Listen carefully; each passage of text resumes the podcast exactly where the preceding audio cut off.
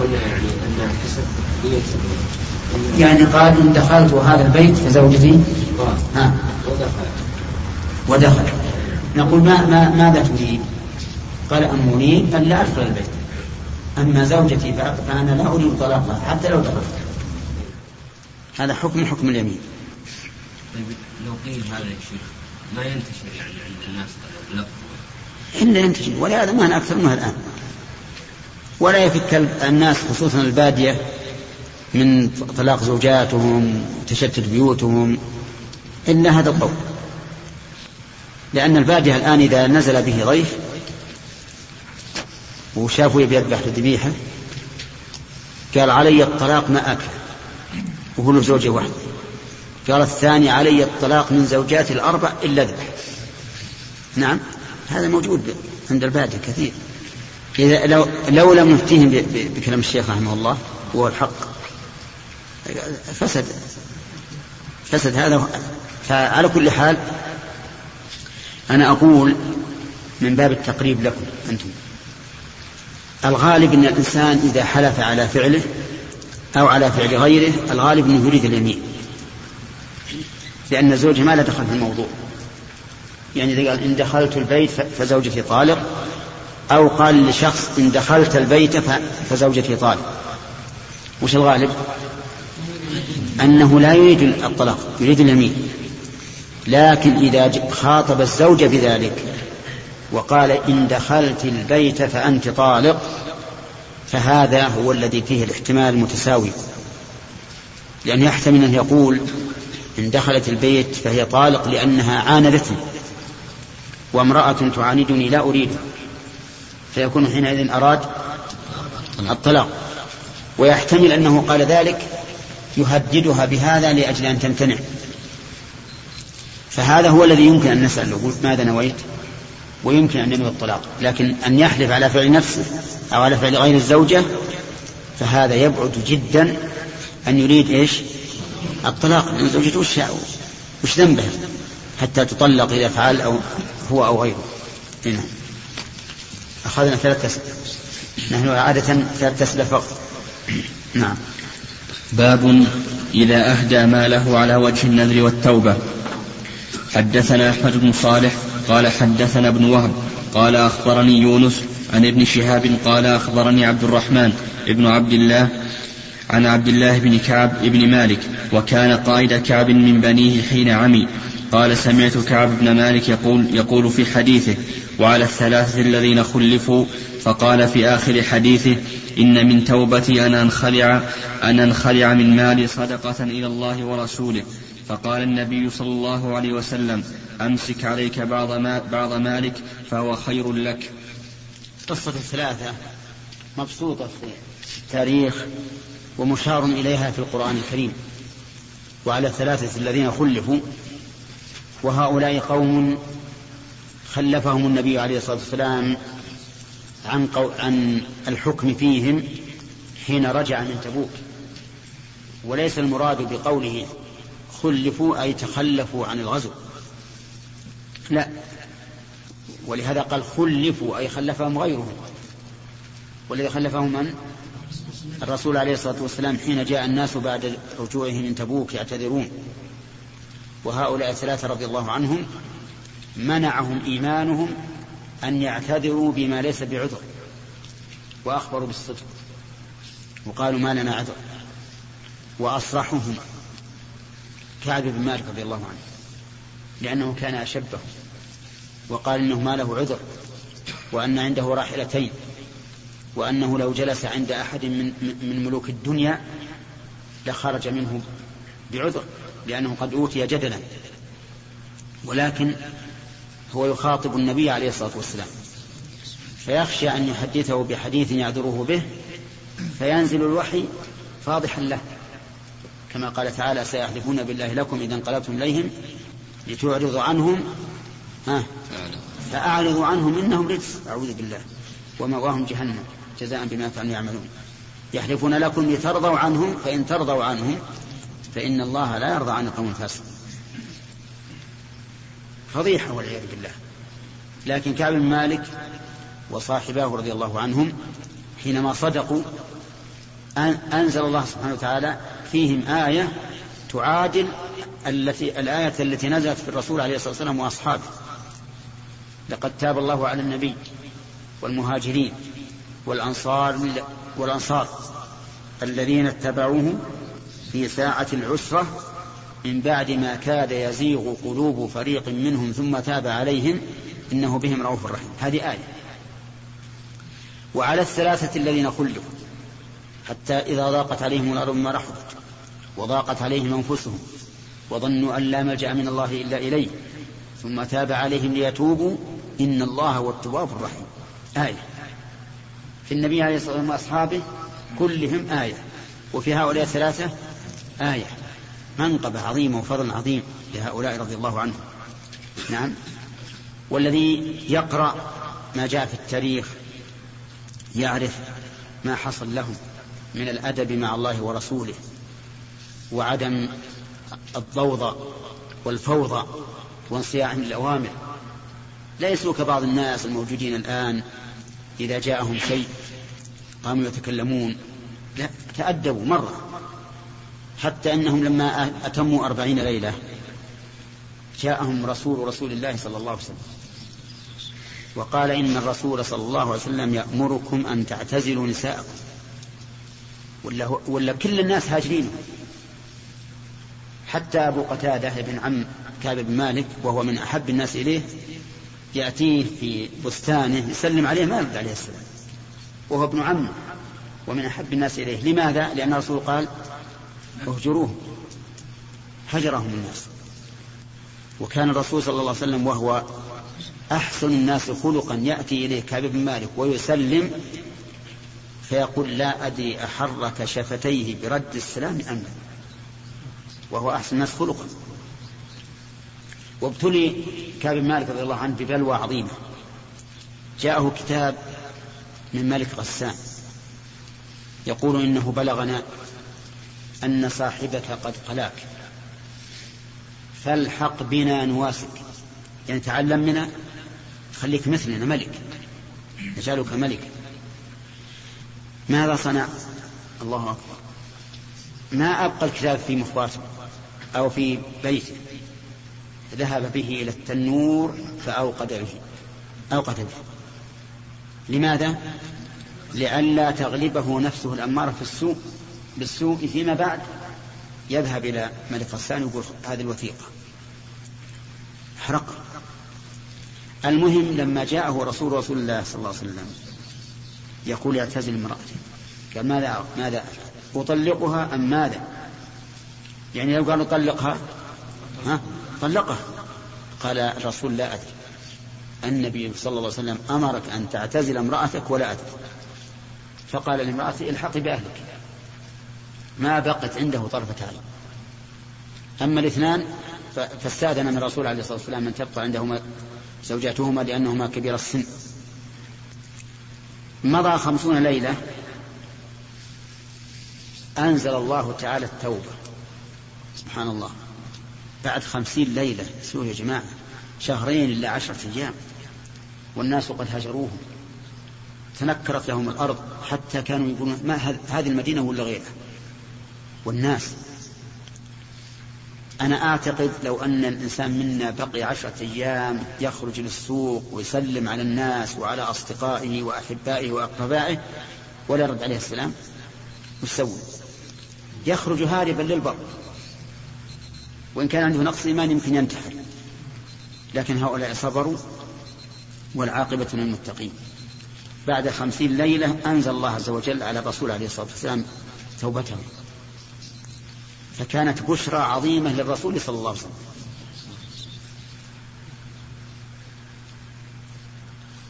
خرج فارس إلى ديار قوم كعب بن مالك ليبشرهم وذهب رجل صيت قوي الصوت إلى سلع سلع قريب من المسجد النبوي.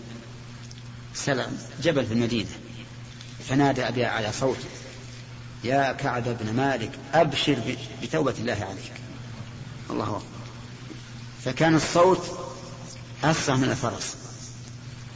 الصوت أسرع من الفرس. فكانت البشارة لصاحب الصوت. لما جاءه البشير جاء إلى كعب نزع ثوبيه الإزار والرداء واستعار ثوبين من جيرانه وأعطاهما البشير. الذي هنأه وبشره ثم جاء إلى الرسول عليه الصلاة والسلام. فلما جاء وجد هذا الرجل الذي كان بالأمس يسلم عليه ولا يدري أحرك شفتيه برد السلام أم لا وجده متهلل متهللا وجهه مستنيرا وجهه فرحا مسرورا. يقول له أبشر بخير يوم مر عليك منذ ولدتك أمك الله أكبر. وقام الناس يهنئونه بتوبة الله عليه. هو رضي الله عنه فرح بهذا فرحا عظيما. وقال إن من توبتي أي من تحقيقها وشكر نعمة الله عليها أن أنخلع من مال صدقة إلى الله تقربا وإلى رسوله توزيعا. إلى الله تقربا وإلى الله وإلى الرسول توزيعا وتنفيذا لأن الجهة مختلفة فهو يتصدق تقربا إلى الله ويعطيها الرسول صلى الله عليه وسلم من أجل أن يوزعها ويتصرف فيها.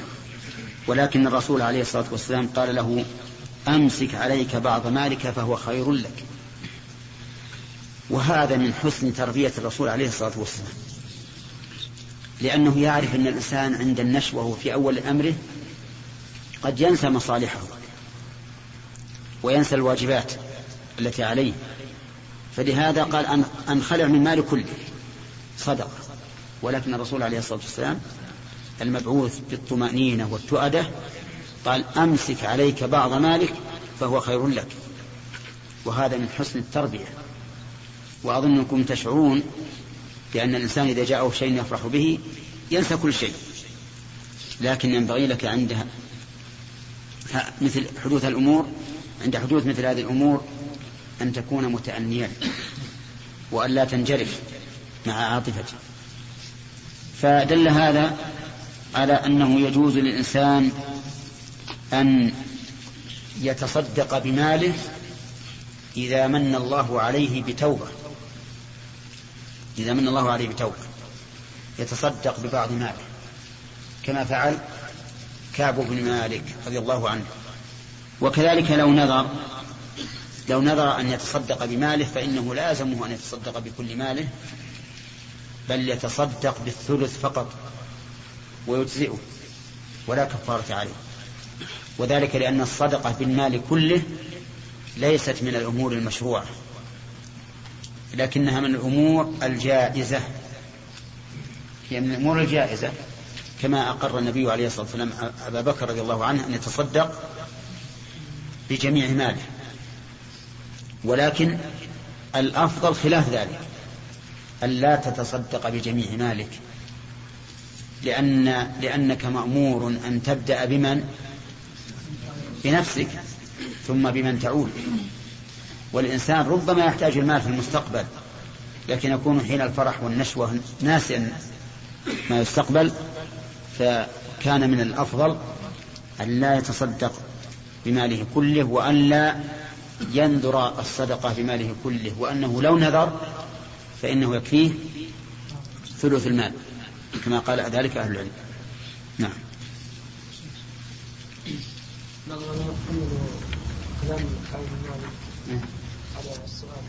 نعم.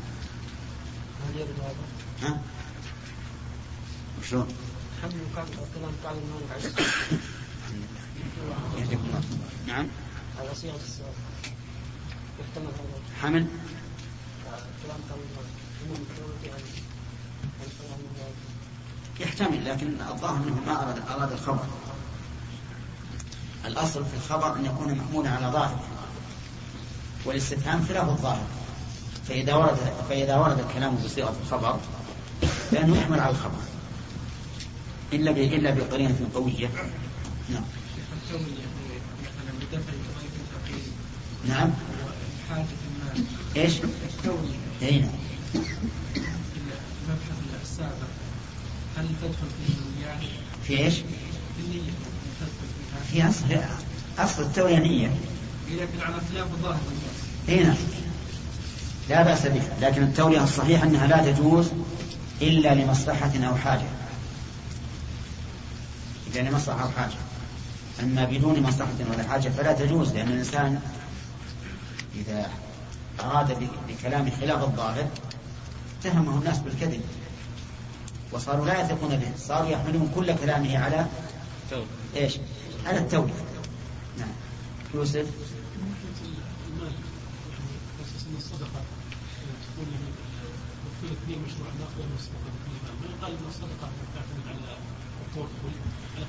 هو إذا لم إذا لم يكن عند الإنسان قوة توكل فإننا ننهى عن ذلك. لكن مع قوة التوكل نبيح له هذا. دون أن نقول إنه ينبغي أن تتصدق بجميع المال لا لا. ما هو قياس الوصية لأن الوصية إنما منع من الزائد لأجل حق الورثة أما هنا لا يشارك أحد. وأيضا الوصية ممنوع أن يزيد على الثلث. وهذا ليس بممنوع لكن ليس بمشروع. والذي نقول إنه ليس مشروع يعني لا يشرع أن يتصدق بجميع المال. لكن لو تصدق بالنصف أو بالثلثين ما لا نستطيع أن نقول غير مشروع. الذي ليس بمشروع أن يتصدق بجميع المال. نعم. اي لها علة أخرى. لأن الوصيه علتها الإطاحة بحق الورثه وأما هذه فليس كذلك. نعم. باب إذا حرم طعاما. وقوله تعالى يا أيها النبي لم تحرم ما أحل الله لك؟ تبتغي مرضات أزواجك والله غفور رحيم. قد فرض الله لكم تحلة أيمانكم. وقوله لا تحرموا طيبات ما أحل الله لكم. حدثنا الحسن بن محمد قال حدثنا الحجاج عن ابن جريج قال زعم عطاء أنه سمع عبيد بن عمير يقول, يقول سمعت عائشة تزعم أن النبي صلى الله عليه وسلم كان يمكث عند زينب عند زينب بنت جحش ويشرب عندها عسلا. فتواص فتواصيت أنا وحفصة. فتواصيت أنا وحفصة أن أيتنا دخل عليها النبي صلى الله عليه وسلم فلتقل إني أجد منك ريح مغافير أكلت مغافير فدخل على, إحدى على إحداهما فقالت ذلك له فقال لا بل شربت عسلا عند زينب بنت جحش ولم يعود له فنزلت يا أيها النبي لم تحرم ما أحل الله لك إن تتوب إلى الله لعائشة وحفصة. وإذا سر النبي إلى بعض أزواجه حديثا لقوله بل شربت عسلا. وقال إبراهيم بن موسى عن هشام ولا نعود له وقد حلفت فلا تخبري بذلك أحدا. بسم الله الرحمن الرحيم. قال قال البخاري رحمه الله باب إذا حرم طعامه. يعني فماذا يكون الحكم؟ ومثل هذه الترجمة التي تأتي غير مجزوم بها تدل على أن المترجم الذي كتبها لم يتبين له الحكم وجعل الأمر موكولا إلى القارئ. يعني إذا حرم طعامه فماذا يكون؟ تحريم الطعام في الحقيقة ينقسم إلى ثلاثة أقسام. القسم الأول أن يريد به الحكم الشرعي. والقسم الثاني أن يريد به الكذب. والقسم الثالث أن يريد به الامتناع أما الأول فإن التحريم نوع من الشرك إذا حرم ما أحل الله. لأن الله لأن لأن الله سبحانه وتعالى قال اتخذوا أحبارهم ورهبانهم أربابا من دون الله. فقال عدي بن حاتم يا رسول الله إنا لسنا نعبدهم. قال أليس يحلون ما حرم الله؟ فتحلونه ويحرمون ما أحل الله فتحرمونه؟ قال نعم. قال بلى. قال فتلك عبادتهم. أي إذا قصد أن يحرم هذا الطعام. وذلك مثل صنع أهل الشرك في الجاهلية. يحرمون السائبة والوصيلة والحام والبحيرة. عرفتم؟ إذا إذا قصد به إثبات حكم إثبات حكم التحريم صار هذا نوعا من الشرك. طيب الثانية أن يقصد به الكذب. يقول هذا حرام ويكذب يعرف أنه حلال. كما يكذب الناس بعضهم على بعض. فهذا يعد كذبا والكذب معروف حكمه إنه حرام. القسم الثالث أن يقصد به الامتناع. يقصد به الامتناع يعني أن هذا حرام علي يعني أني لا أن أني ممتنع عنه. فهذا حكمه حكم اليمين. وربما يكون البخاري رحمه الله جعل الترجمة مطلقة من أجل من أجل هذا التقسيم الذي قسمناه. عرفت؟ طيب. فمثلا إذا قال رجل هذه الخبزة حرام قلنا له كذبت. هذا وش قصد؟ الكذب. وإذا قال هذه الخبزة حرام لا أحد يأكلها. من أكلها فعليه التعزيم. هذا هذا نوع من الشرك. تحريم ما أحل الله. وإذا قال هذه الخبزة حرام بمعنى أنني لن أذوقها. فهذا حكمه حكم اليمين. طيب. وقوله ونعم ونقول حكمه حكم اليمين في كل شيء على القول الراجح حتى في المرأة. لو قال الرجل لزوجته هي حرام علي ولم ينب الطلاق فإن حكمه حكم اليمين. وليس بظهار كما ذهب إليه كثير من أهل العلم. الظهار أن يقول هي علي كظهر أمي أو أختي أو ما أشبه ذلك. أما إذا قال هي حرام فهو أخف من قوله هي علي كظهر أمي. لأنه إذا قال هي علي كظهر أمي شبه أحل ما يكون من النساء بإيش؟ بأحرم ما يكون. بخلاف ما إذا قال هي حليئة حرام قد يكون حرام كالميتة والخنزير وما أشبه ذلك. المهم أنه إذا حرم شيئا من الحلال من زوجة أو أمة أو طعام أو لباس أو سكن أو مكالمة أحد أو ما أشبه ذلك فحكمه حكم اليمين. ودليل هذا قوله تعالى يا أيها النبي لما تحرم ما أحل الله لك؟ تبتغي مرضات أزواجك والله غفور رحيم. قد فرض الله لكم تحلة أيمانكم فسمى الله الحرام يمينا قال تحلة أيمانكم والتحلة تفعلة بمعنى التحليل. وذلك أن الإنسان إذا حلف على الشيء فهو بمنزلة تحريمه عليه. يعني لأنه أراد أن يمتنع من هذا. فإذا كفر قبل أن يحنث سمي هذا سمي هذا تحلة كأنه حل العقدة التي هي اليمين. أما إذا فعل الشيء ثم كفر فهذا يسمى كفارة. فإذا دفع هذا إن كان قبل الحنث فهو تحلة وإن كان بعده فهو كفارة. والسؤال الآن موجه لك. رجل قال والله لا أكلم فلانا فكلمه ثم أمرناه أن يطعم عشرة مساكين. ماذا نسمي هذا طيب. ورجل آخر يعادل. قال والله لا أكلم فلانا ثم ندم فأطعم عشرة مساكين عن هذا اليمين.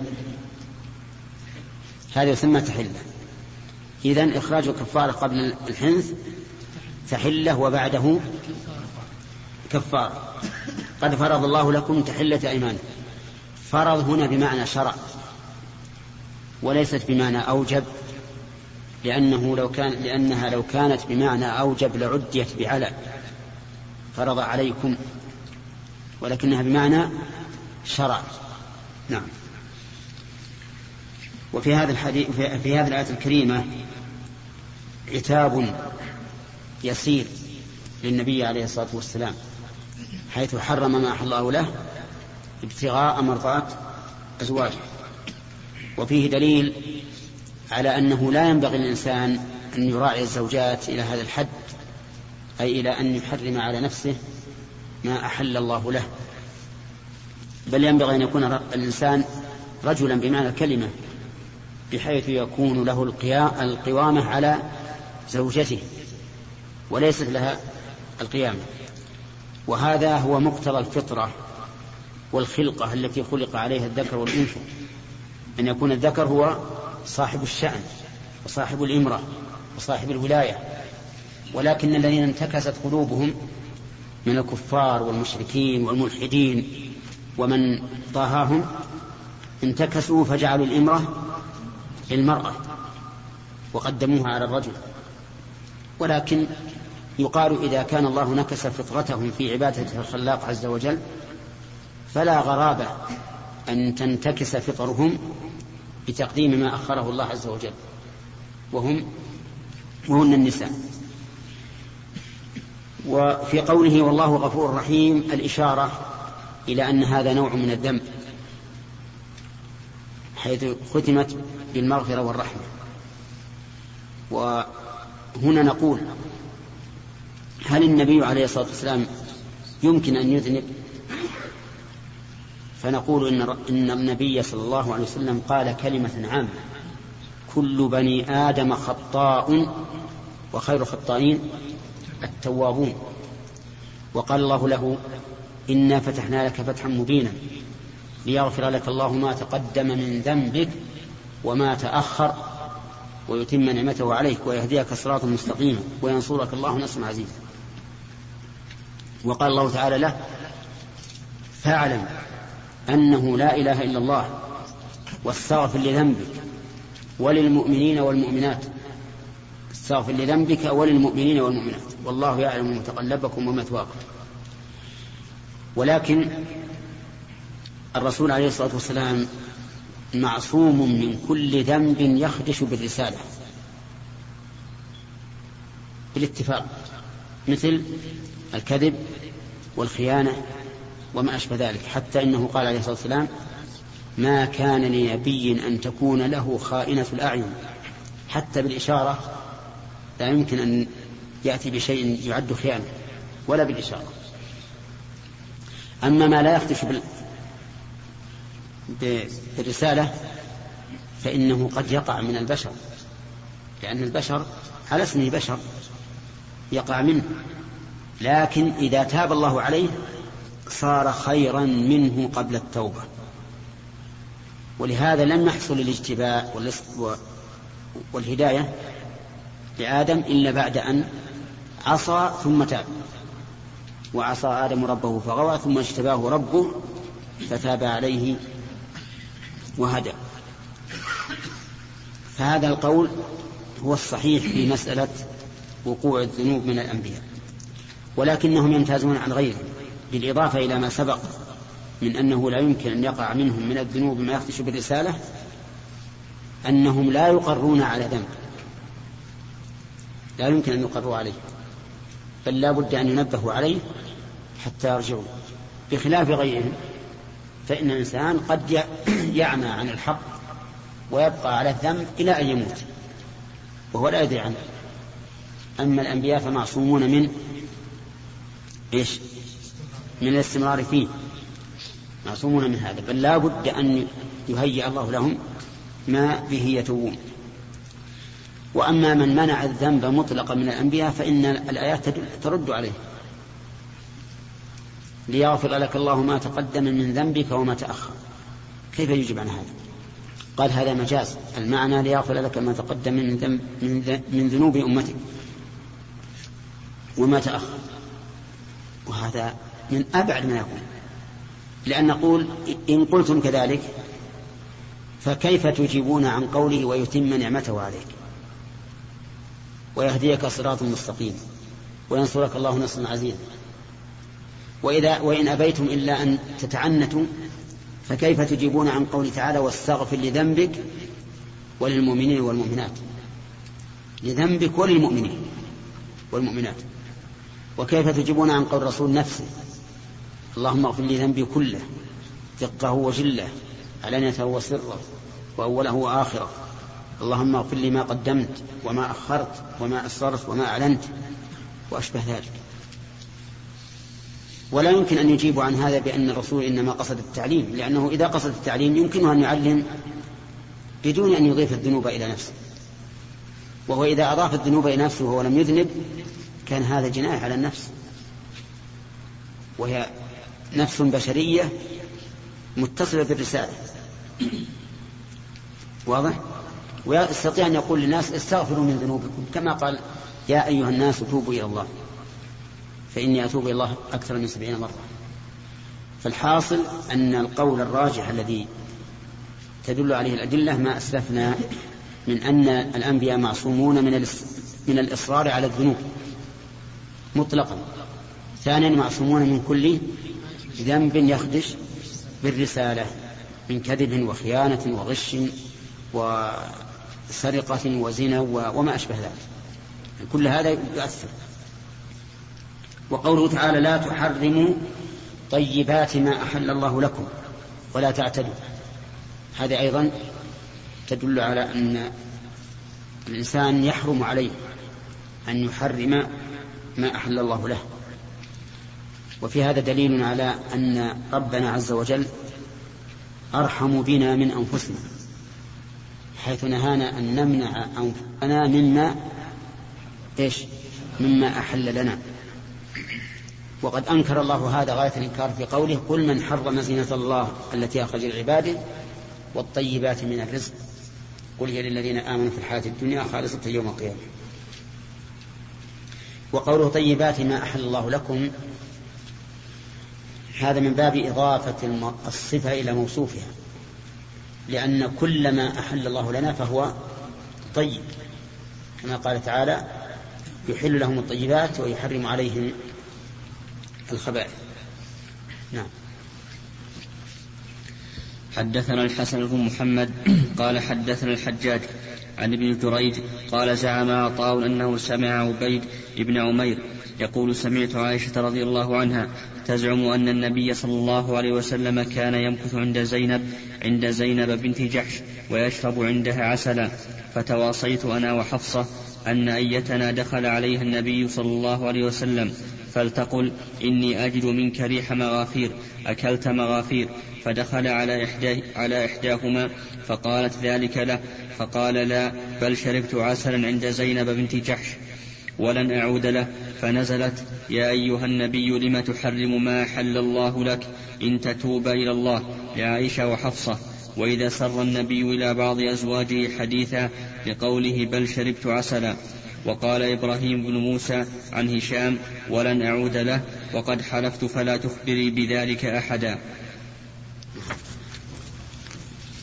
هذا فيه كلمة زعم عطاء. وقوله سمعت عائشة تزعم. الزعم يطلق على القول. وهو في الأكثر على القول الذي لا لا حقيقة له. كما قال تعالى زعم الذين كفروا أن لا يبعثوا. ولكنه يطلق على القول الصادق. كما هنا. وفيه دليل على أن الغيرة بين الضرات ثابتة حتى بين أفضل ضرات في هذه الأمة وهن زوجات النبي صلى الله عليه وسلم. تقع بينهن الغيرة كما تقع بين سائر النساء. وفيه أيضا دليل على أن الغيرة إذا حملت الإنسان على ما يكره فإنه لا يؤاخذ بذلك. حتى إن بعض أهل العلم يقول إذا قذف شخصا على سبيل الغيرة فإنه لا يحد. لأن هذا شيء يأتي رغما على على الإنسان. لا يملك نفسه عنده. وقوله إن تتوبا إلى الله فقد صارت قلوبكما يعني عائشة وحفصة. عائشة بنت أبي بكر وحفصة بنت عمر. فأبواهما وزير رسول الله صلى الله عليه وسلم وهما من أحظى النساء عند النبي صلى الله عليه وسلم. اتفقتا على هذا. لماذا يقول يقولن أو لماذا قال للرسول عليه الصلاة والسلام هذا؟ ها؟ غيرة لأجل أن لا يشرب مرة ثانية عند زينب كيف تصغيها العسل ونحن لا نسقيه والمغافير نبت كريه الرائحة. وإذا أكل منه النحل فإنه قد يظهر ذلك في في العسل الذي يخرج من النحل. قوله فقد صغت قلوبكما يعربها لنا هداية الله.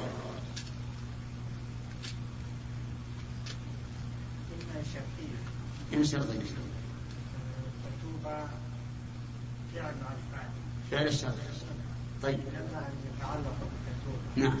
فقد سقط هذا الجزاء الجواب الشرط. جواب الشرط. وما أورد في لأنه ليس طلبي إيه. ولا اسمي أجل ليش جاء قد قد آه. لاقتران الجواب والله أعلم قد جاء مع القد فيه والله أعلم ما جاء لا. وش البيت المعروف في هذا؟ يعني آه، آه، اسمية لا لا لا لا لا, لا. وبجانب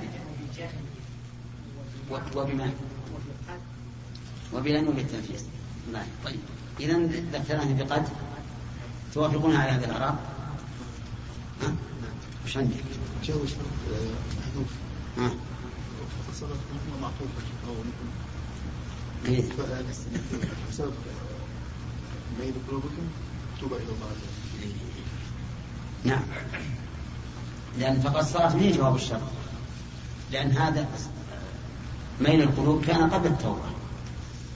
ولو كان جوابا له لكان بعده. لكن الجواب محذوف. إن تتوبا إلى الله مثلا يتوب عليكما وما أشبه ذلك أو فواجب عليكم التوبة. أما قلوب فهي جمع. وهنا يشكل علينا يا فهد كيف جمع القلوب مع أن الله يقول ما جعل الله لرجل من قلبين في جوفه؟ وهما امرأتان ها؟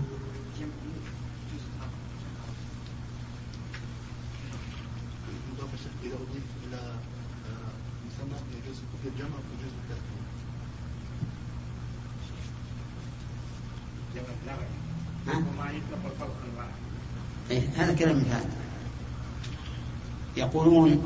إنه إذا إذا إذا, أضيف المتعدد إلى جمع فالأفصح فيه الإفراد. الأفصح فيه الإفراد. آه الجمع. الجمع ثم الإفراد ثم التثنية إذا أضيف إلى مثنى فيقال قلوبكما أفضل. ولو كان في غير القرآن قلنا قلباكما. وقلنا قلبكما. لأن المفرد المضاف يفيد العموم. ما لم يكن في ذلك لبس. فإن كان في ذلك لبس فإنه يجب أن يصاغ على ما يزول به اللبس. فإذا قلت أعتقا عبيدكما وهو أن تريد أن يعتقا جميع ما له من عبيد مثلا تخاطب رجلين عندهم عشر عندهما عشرة عبيد. فقلت أعتقا عبيدكما. وأنت تريد جميع العبيد. لازم تأتي بالجمع. لأنك لو قلت عبداكما ها لم تدل الجملة إلا على عبدين من عشرة.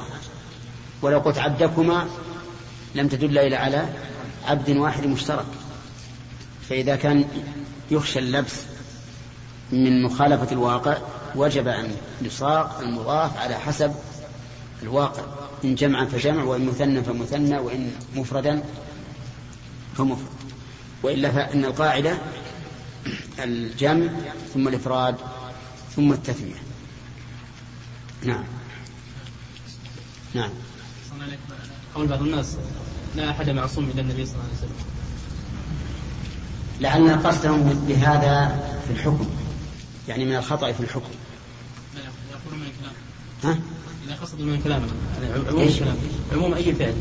خطأ أو أقول يحمل هذا على أنه لا أحد معصوم من الخطأ في الحكم. يعني بين يقول هذا حرام وهذا حلال ما حد معصوم إلا الرسول صلى الله عليه وسلم. لكن إذا قصد به مطلق إذا قصد به الفعل فقد علمت ما, ما, هو الصحيح. نعم. كبائر يا شيخ معصوما منها الأنبياء. نعم. كبائر. إيش فيها؟ كبائر الذنوب يعني إذا كانت تكلم بالرسالة فهو معصوم فإنه معصوم. وإلا فلا. لا سيما قبل النبوة فإن موسى عليه الصلاة والسلام قتل نفسا بغير حق لكنه قبل النبوة. نعم. الله سبحانه مغاضبا فظن أن لم نقدر عليه تفسير الآية الكريمة أن لم نقدر عليه ما هو ما ما شاف في البخاري ولا في أسمة الأنبياء لا ما نفهم. باب الوفاء بالنذر. وقول الله تعالى يوفون بالنذر حدثنا يحيى بن صالح قال حدثنا فليح بن سليمان قال حدثنا سعيد بن الحارث أنه سمع ابن عمر رضي الله تعالى عنهما يقول أولم, ين أولم ينهوا عن النذر؟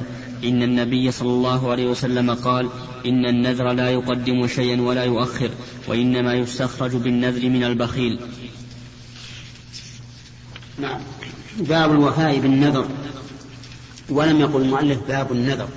النذر له جهتان الجهة الأولى إنشاء النذر والجهة الثانية الوفاء بالنذر.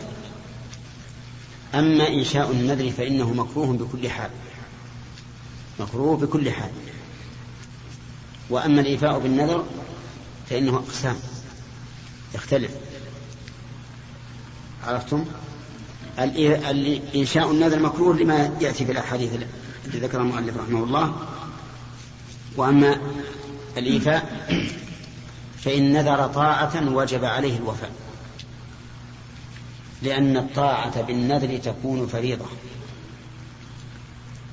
كقول النبي صلى الله عليه وسلم من نذر أن يطيع الله فليطعه. وسواء كان النذر مطلقا أم معلقا.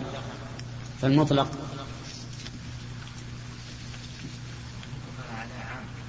مثل.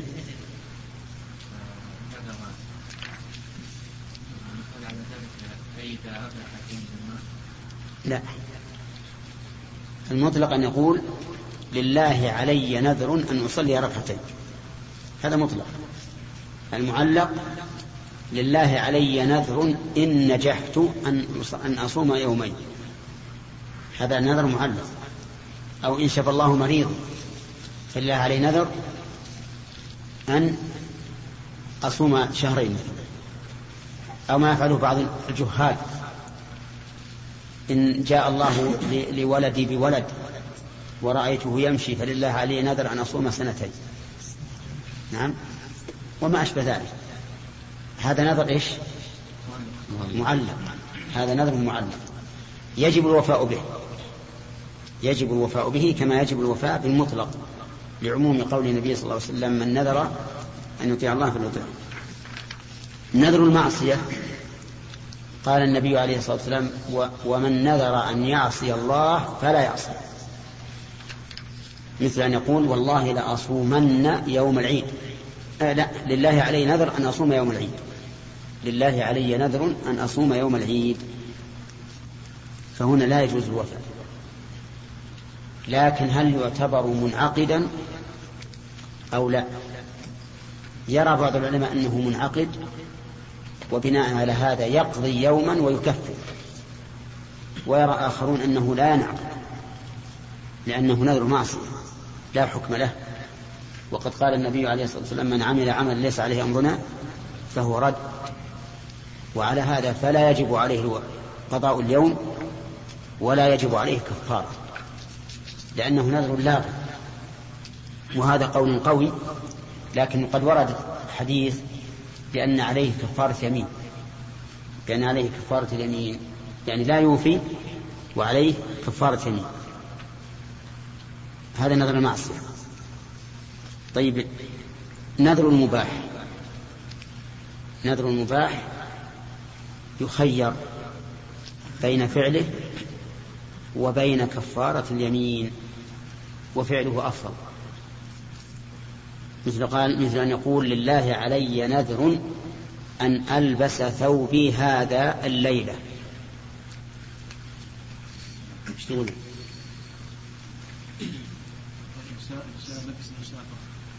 إن شاء لبسه وإن شاء كفر. كفارة يمين. لأن هذا النذر حكمه حكم اليمين. فنذر المباح حكمه حكم اليمين. يخير بين فعله وبين كفارة كفارة اليمين الرابع نذر اللجاج. نذر اللجاج. يعني ما يحصل من الإنسان من النذر لقصد التصديق بما يقول أو تكذيب ما يقوله خصمه أو الحث على الشيء أو المنع من الشيء. كم هذه؟ أربعة أغراض. نذر الإلجاج والغضب يقصد به أحد واحد من هذه الأمور. مثاله حدثنا رجل بحديث حدثنا رجل بحديث فقلنا هذا كذب. فقال لله علي نذر إن كان كذبا أن أصوم سنتين.